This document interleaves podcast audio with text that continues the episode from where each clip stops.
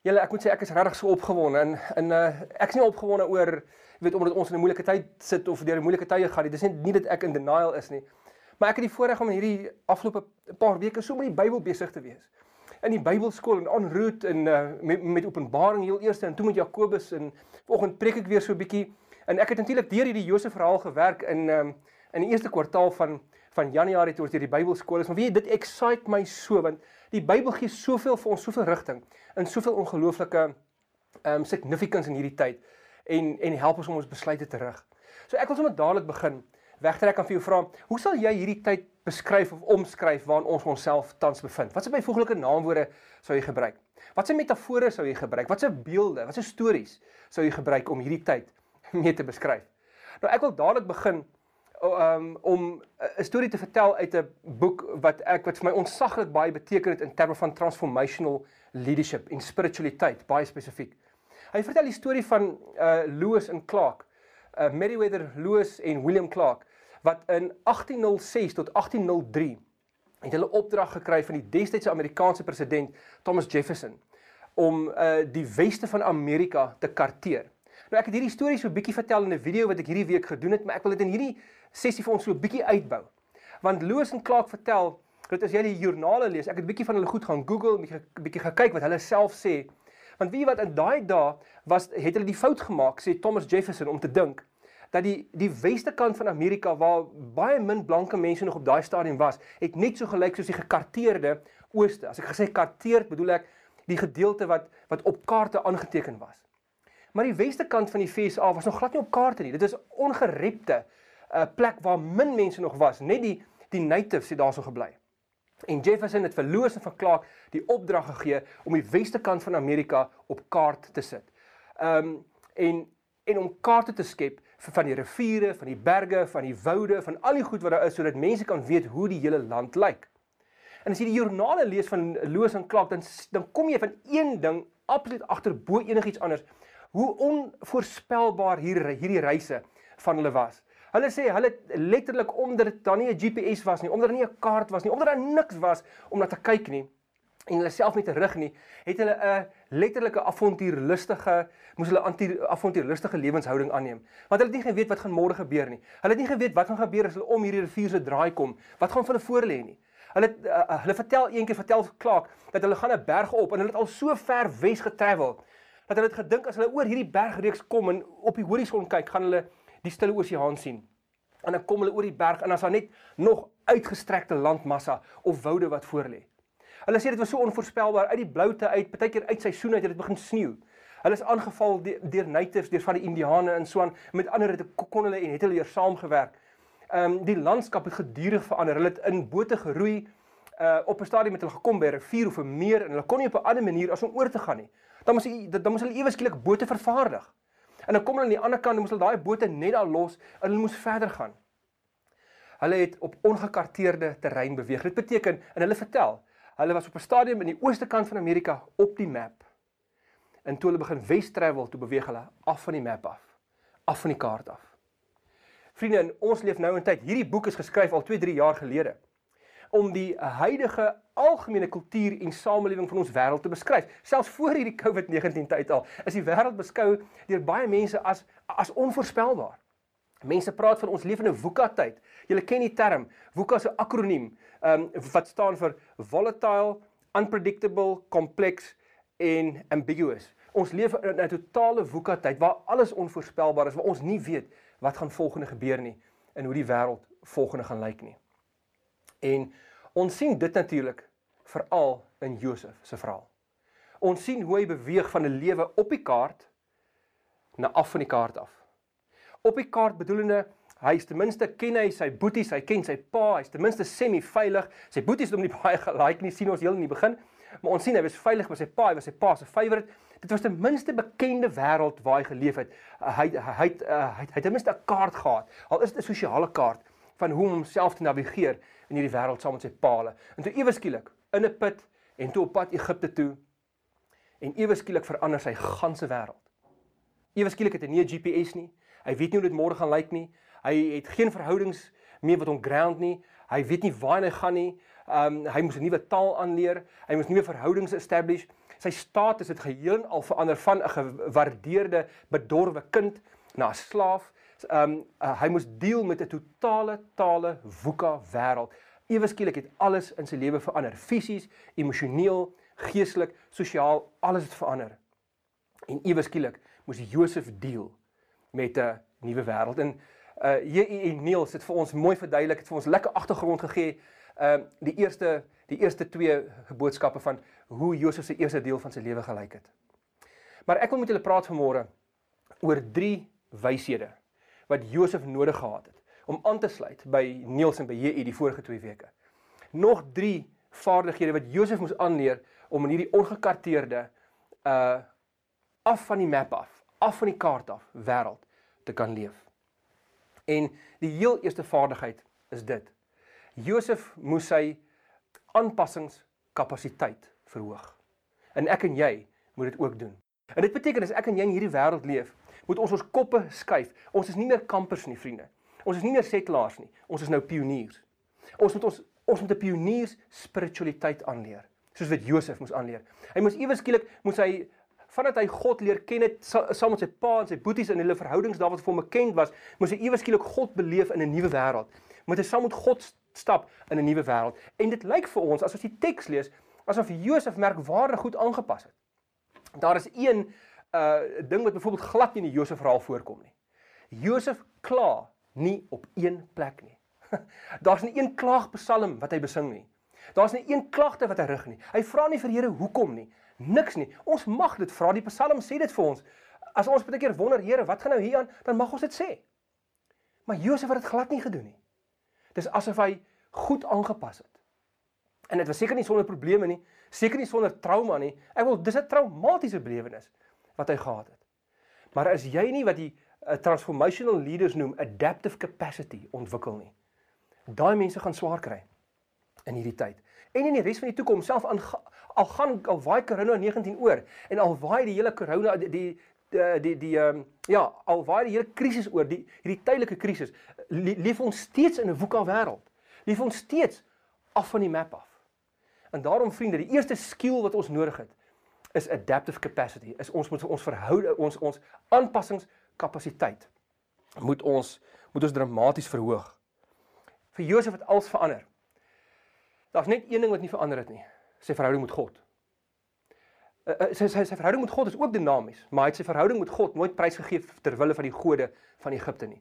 Hy stap in 'n vreemde godedom in, maar sy verhouding met die Here bly dieselfde. Hy hy compromise nie, hy begin nie offer aan die ander gode van van Egipte nie. Hy bly by die God van sy vader. Hy bly by die God van Israel. Maar other than that, het alles verander. Hy moes alles change. Hy het op 'n eind met 'n Egiptiese meisie getrou, Egiptiese kinders gehad. Hy moes onder nuwe basis sit met eers Potifar en toe die Farao. Hy het in 'n vreemde wêreld geleef en hy het dit eenvoudig so aanvaar. Dit lyk vir ons asof hy 'n sterk uh aanpassingskapasiteit ontwikkel het, soveel so dat dit oorgeloop het later om vir Egipte aanpassingskapasiteit aan te leer. Toe daai uh, hongersnood begin dreig. En dit was 'n terrible hongersnood. Hoofstuk 41 van Genesis sê vir ons dat hierdie hongersnood het die land op sy knieë gebring. Dit was 'n geweldige traumatiese krisis. Maar Josef kon die mense daardeur begelei deur hierdie verandering, deur hierdie krisis, deur hulle semi-ongekarteerde area in Egipte.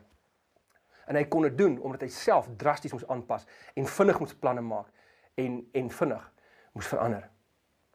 En so dit dit is belangrik om dit te verstaan van van uh van Josef.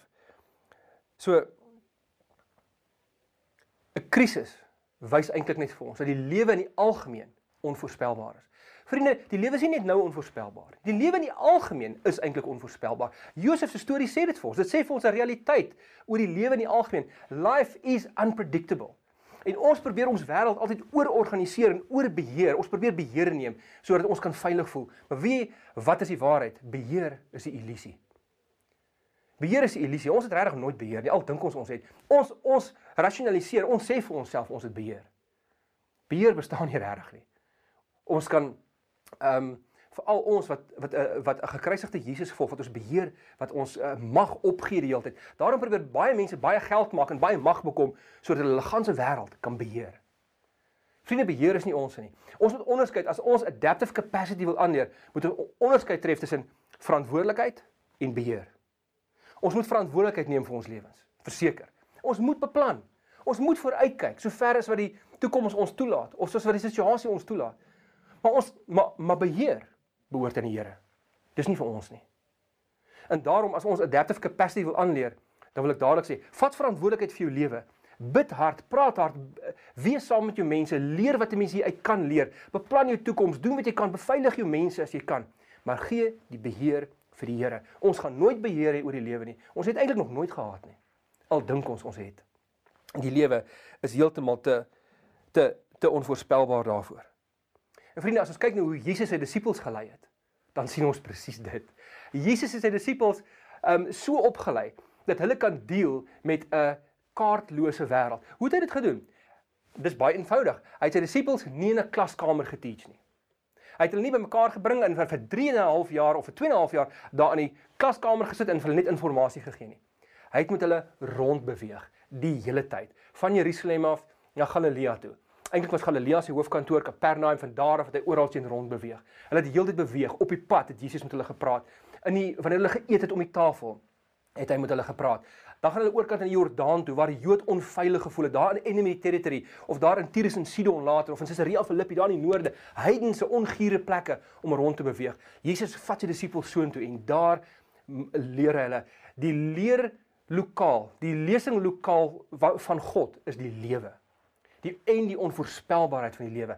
En daarom moet ons aanpassingskapasiteit ontwikkel. Dit is ongelooflik belangrik. En julle sal onthou, toe ons infusion gedoen het, uh, het ons gepraat oor ons uh, vier waardes. Een van ons waardes is transformational. En daar het ons mekaar gesê dat ordelikheid help ons nie om te groei nie. Ordelikheid laat nie ons kreatiwiteit en ons skills en ons verhoudings uh intelligensie ontwikkel nie. Kompleksiteit laat ons ontwikkel. En daarom is iemand wat homself hom of haarself voorberei vir 'n krisistyd, um of vir 'n VUCA wêreld, is iemand wat hulle self vrywilliglik indompel in kompleksiteit sodat hulle kan leer hoe om af van die kaart af te leef saam met die Here.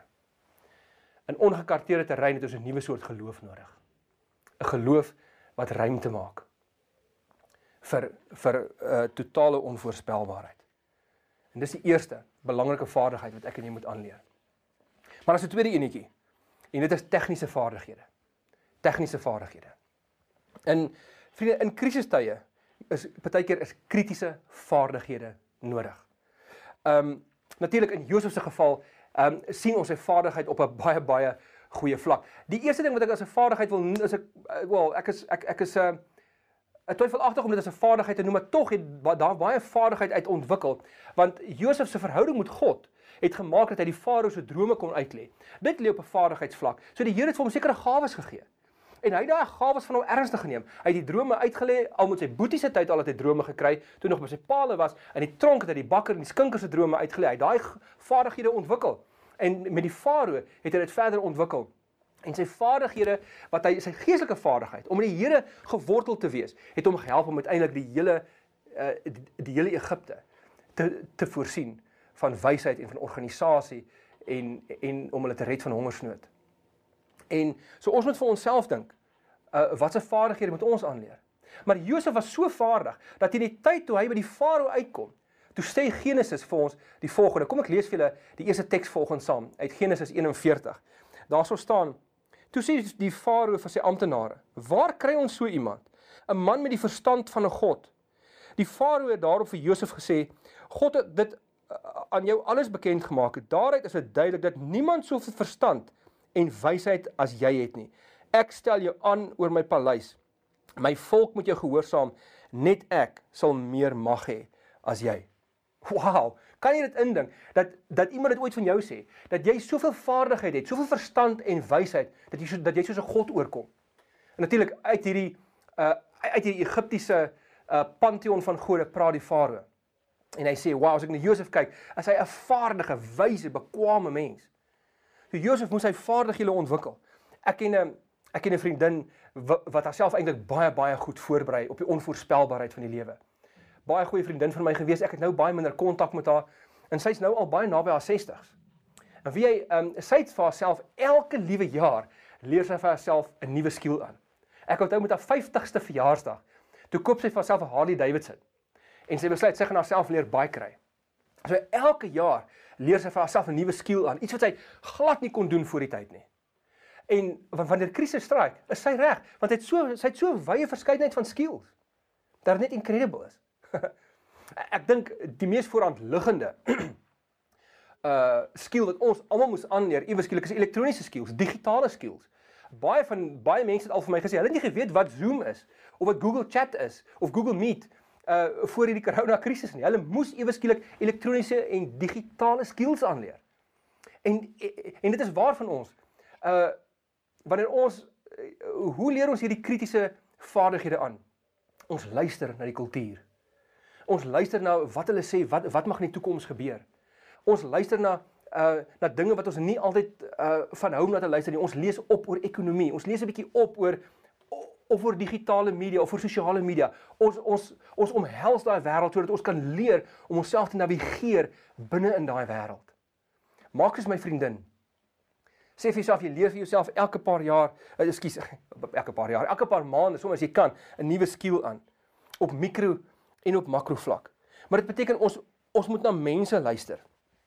Dit beteken ons moet leer hoe om die kultuur en die tyd te lees. Ons moet fyn oplet. Ons moet mooi kyk wat nodig is. Een van die dinge wat ons nodig het in hierdie tyd, een skill is is natuurlik EQ. En ehm um, en EQ het mense al lankal gesê dis dis die skill wat mense genodig het in hierdie tyd. En die belangrikste eerste stap van EQ is empatie. Met ander woorde om jouself te kan plaas in iemand anders se skoene Vriende in krisistye soos hierdie is dit so ongelooflik belangrik om dit as 'n skill te ontwikkel. Om van die ander kant af te luister. Ons kry soos wat die koronavirus en die tyd van die lockdowns wêreldwyd begin het, het ons nou al baie data ontwikkel en uh, mense begin verskillende opinies ontwikkel en baie mense sê nee man, meer mense sterf um, sterf nog steeds wêreldwyd aan verkoue as aan COVID-19. Dit mag waar wees. En daar's verskillende syfers wat mense nou uh, noem en nou raak mense ongeduldig met die regering. Wat as hierdie lockdown wat net in 5 fases moet gebeur? Kan dit nie vinniger gebeur nie? Ek stem nogal met jou saam. Ek ek ek weet nie altyd of die regering reg is nie. Maar weet jy wat moet ons doen? Ons moet empatie hê met hulle. Ons moet weet waar waarvan af kom hulle. Plaas jouself bietjie in die president se skoene. Miskien weet hy goed wat ek en jy nie weet nie. Miskien verstaan hy goed wat ek en jy nie verstaan nie. Hy het raadgewers om hom.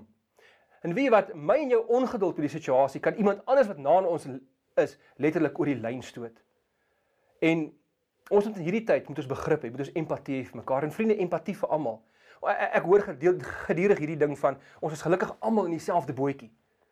Vriende, dis nie waar nie. Dis net 'n empatielose mens wat so iets sê. Ons is nie in dieselfde bootjie nie. Ons is almal in dieselfde storm, het iemand op social media nou die dag gesê. Maar ons is nie in dieselfde boot nie. Die meeste van ons uh dryf nog lekker rond in passasiersskepe. Jy weet, dis vir ons ook rof. Die storm, jy weet, is rof en die golwe is rof en die chandeliers hier in die boot, jy weet, wieg so 'n bietjie.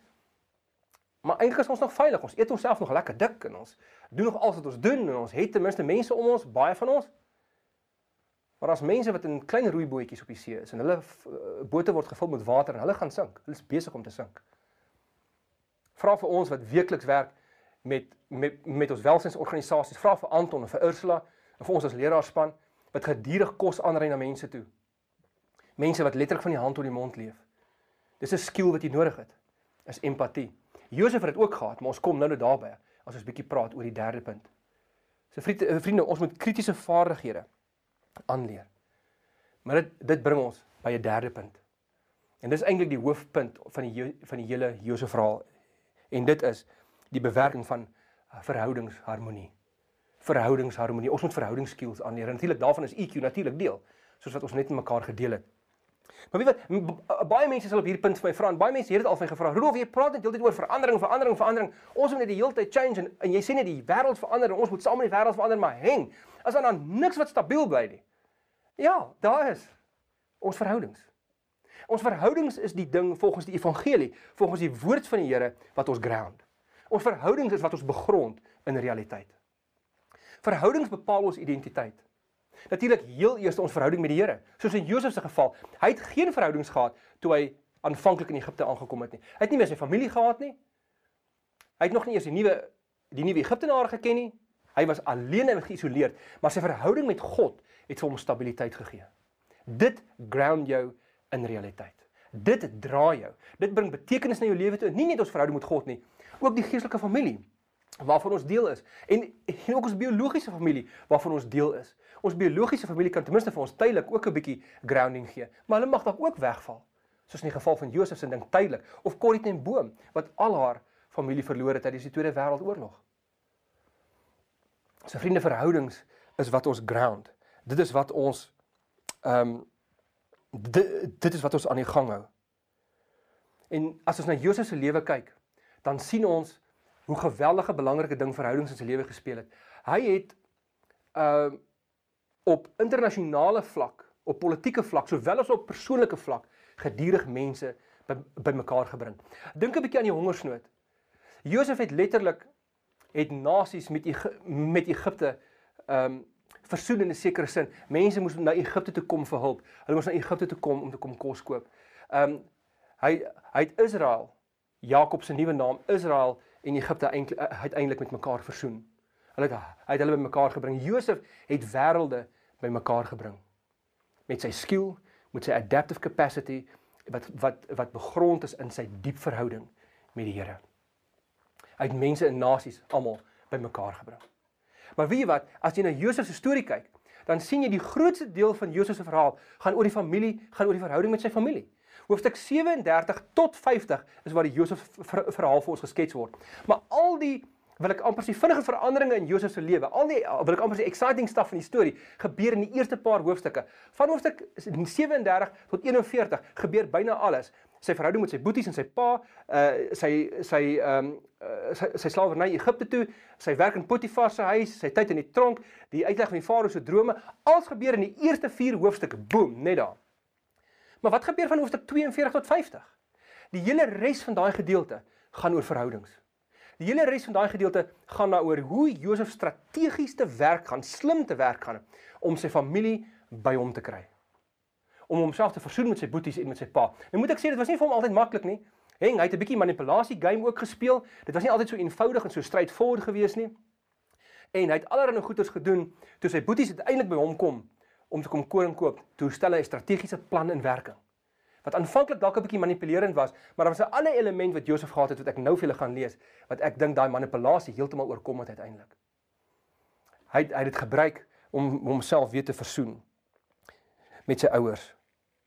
So daar's een daar's veral een element wat ek graag vir julle wil lees. Julle kan gerus daai hele verhaal lees oor hoe hy poog om homself weer hoe natuurlik self te deel. Jy sien ook sy eie konflik. Josef se eie konflik in hierdie verhaal. Hoe hy hoe hy amper op sy op sy tande wil kners oor hierdie klein blikskorreltjies van boeties wat hom laat wegvoer het in slawerny, maar hoe hy uh maar hoe sy hart sag was. En hoe hy uiteindelik heeltemal ingegee het. En weet julle wat 'n snaakse frase wat reg deur die tyd voorkom vandat hy met sy boeties ontmoet. In hoofstuk ek dink is hoofstuk 43 ontmoet hy sy boeties heel eerste keer en dan staan daar hy het hulle verlaat terwyl hulle in die saal hy moet hulle praat in die saal verlaat hulle ewe skielik en hy gaan huil op 'n plek. Hy staan daar buite en huil, dan gaan was hy sy gesig en dan kom hy terug en dan praat hy verder met hulle. Toe kom hulle later weer terug en hulle kom sonder Benjamin en toe staan daar toe gaan hy weer die een kant toe en, en, en hy gaan huil weer. En hy kom weer terug en hy praat met hulle. En toe negotiate hy hy met hulle en hy dwing hulle eintlik 'n bietjie om vir Benjamin te gaan haal. In in, in hoofstuk 45 is die boeties nou weer daar en hulle is daar met Benjamin. En dan sien ons daar lees ons in hoofstuk 45 die volgende paar verse. Josef kon homself nie langer bedwing voor die mense wat hom bedien het nie. Hy het hulle almal beveel om van hom af weg te gaan. En daar was van die wat hom gedien het, nie een by hom toe hy eh, hom aan sy broers bekend gemaak het nie. Hy het so hard gehuil dat die Egiptenaars en die mense in die farao se paleis dit gehoor het. Toe sê Josef vir sy broers: "Ek is Josef. Leef pa werklik nog?" Sy broers kon hom nie antwoord nie. Hulle was te bang vir hom. Maar hy het vir hulle gesê: "Kom na my toe." En toe hulle nader kom, sê hy: "Ek is julle broer Josef. Julle het my verkoop en ek is Egipte toe gebring. Maar julle moet nou nie sleg voel of bang wees omdat julle my verkoop het nie, want God het my voor julle uitgestuur om lewens te red. En dan net so op 'n hele paar verse verder in hoofstuk 14 en 15, dan kry ons die volgende gedeelte. Hoor bietjie wat staan hier. Toe omhels Josef sy broer Benjamin en hy huil ook. En Benjamin het op sy broer se skouer gestaan en huil. Josef het al sy broers gesoen en daarby hulle gestaan en huil. Eers daarna het sy broers met hom begin praat. En dan sien ons net later as uh, dan stuur hy daarmee stuur hy uh, stuur hy sy broers terug na Jakob toe om vir Jakob ook ook te gaan haal En toe hulle uiteindelik vir Jakob oortuig dat Josef actually nog lewe, sien ons die volgende. Daarso staan in hoofstuk 28 en hulle pa Israel, dis nou Jakob, net 'n nuwe naam, het gesê ek verlang niks meer nie. My seun Josef leef en ek wil hom net sien voordat ek sterf. En dan natuurlik in hoofstuk 46 nadat uh, nadat Jakob hulle aansluit, hulle is nou almal in Egipte saam met Josef en Benjamin en die hele spul. En dan sien ons daar staan in hoofstuk 46 vers 28 tot 30. Jakob het vir Juda vooruitgestuur na Josef toe om hom te laat weet dat hy op pad is na Gosen toe. Nadat Jakob hulle in Gosen aangekom het, het Josef sy sy wa laat inspan om sy pa Israel in Gosen te gaan ontmoet. Toe Josef hom sien, het hy hom omhels en so lank gestaan en huil. Toe sê Israel vir Josef: "Nou kan ek maar sterf. Ek het jou gesien. Jy lewe nog." Wow, wat 'n verhoudingsintense teksgedeeltes is hierdie nie. Vriende, as jy dan as jy daai hele stuk lees, dan kom jy agter hoe verhoudingsintensief dit is. Maar as jy mens hierdie lees, dan dink jy, hoekom lê die skrywer van Genesis soveel soveel klem daarop? Dat Josef chunk die hele tyd hang as hy het hy 'n hoes geword. Wat is fout? Dink dan hierdie magtige onderkoning van Egipte. Hy bied vir die wêreld koring. Hy's eintlik die die Time Magazine se person of the year. Hy bied vir die hele wêreld gee kos. Hy's hierdie magtige politikus. En dan het hy hierdie hoesie gesindheid. Hy change die hele tyd. Wat is fout? En hier's wat die skrywer wil sê. Hier's wat die Here vir ons wil sê. Selfs in die, in hierdie tyd van krisis is familiebande sterker en belangriker as enige krisis. En daarom lê die, die hierdie storie van Josef soveel klem daarop te midde van hierdie hongersnood, hierdie terrible hongersnood wat Egipte getref het. Verhoudings is alles. Dit begrond ons. En wat wys hierdie deel van die teks vir ons oor Josef? Dat alhoewel Josef 'n magtige mens was, het hy 'n sagte gees gehad. Hy het 'n sagte hart gehad. Hy het 'n toeganklikheid gehad alhoewel hy aan die een kant veral aanvanklik kwaad was vir sy boeties en hy het dalk op sy tande geknars. Het sy tande knersing baie gou-gou gestop. En die Here, hy het die Here toegelaat om in sy hart te werk. Hy het die Here toegelaat om hom toeganklik te maak vir mense. Hy het die Here toegelaat om om uh sy hart gracious te maak, om dit om dit te vul met die Here se genade sodat hy eintlik sy boeties kon help. En dit het gemaak dat hy 'n beter mens geword het, nie 'n bitter mens nie. Josef het toegelaat dat die Here moet hom werk. En daarom daarom sien ons hierdie hierdie ongelooflike perspektief uiteindelik bring Josef Israel en Egipte bymekaar. Hy word weer versoen met sy eie familie op persoonlike vlak. En hierdie storie hierdie storie eindig goed. En hy eindig regtig great. Ehm um, en hy leer vir ons dat in Josef se geval was verhoudings regtig alles. Nou vriende, hierdie drie goedes wat ek vir julle genoem het, sien jy vandag in leierskap boeke oor transformational leadership. Hierdie drie uh, dinge ehm um, is is toevallig ehm um, vaardighede wat ons nodig het in 'n nuwe wêreld. Mense het hierdie goed al geskryf voor die tyd. Uh, in Engels skryf Todd Bolsinger, ons het adaptive capacity nodig. Ons het technical competence nodig en ons het relational congruence nodig. Jou aanpassingskapasiteit moet jy verhoog. Jy moet jou kritiese vaardighede of tegniese vaardighede moet jy opskerp en jy moet eh, vaardighede ontwikkel gereed vir hierdie tyd.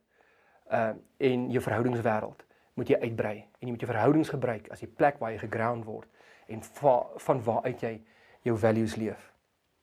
Nou vriende in die Nuwe Testament sien ons dat die klem verskuif van bloedfamilie in die Ou Testament na geestelike familie in die Nuwe Testament. Jesus sê in Markus 3 sê hy: "Wie is my my boetie, my sussie, my ma en pa?"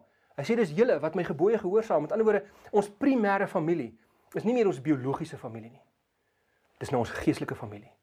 Maar ons geestelike familie is ook bloedfamilie. Mense sê baie keer, ja maar jy weet, onthou net bietjie bloed is dikker as water. Ja, dit is so.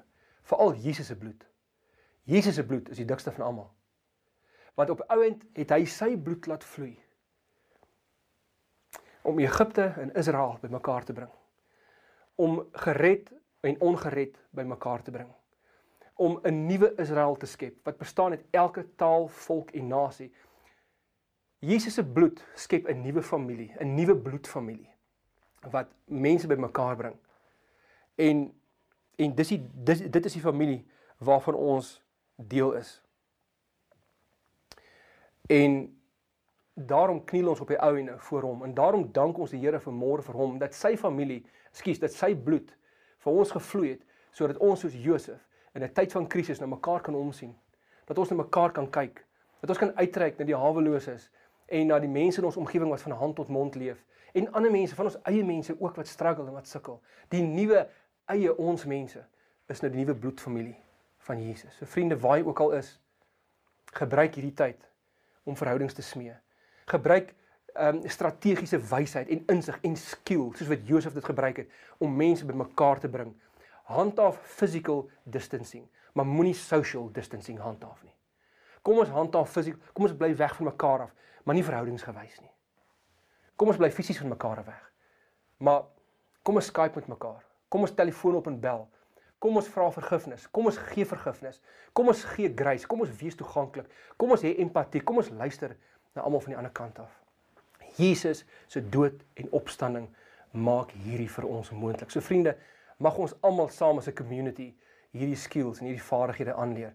En daarom Here gaan uh, uh, daarom julle gaan ons afsluit met twee songs wat ons in die gemeente baie goed ken. Eintlik ehm um, uh, is die eerste sang is Love Ran Red. Dis 'n gewone sang oor grace.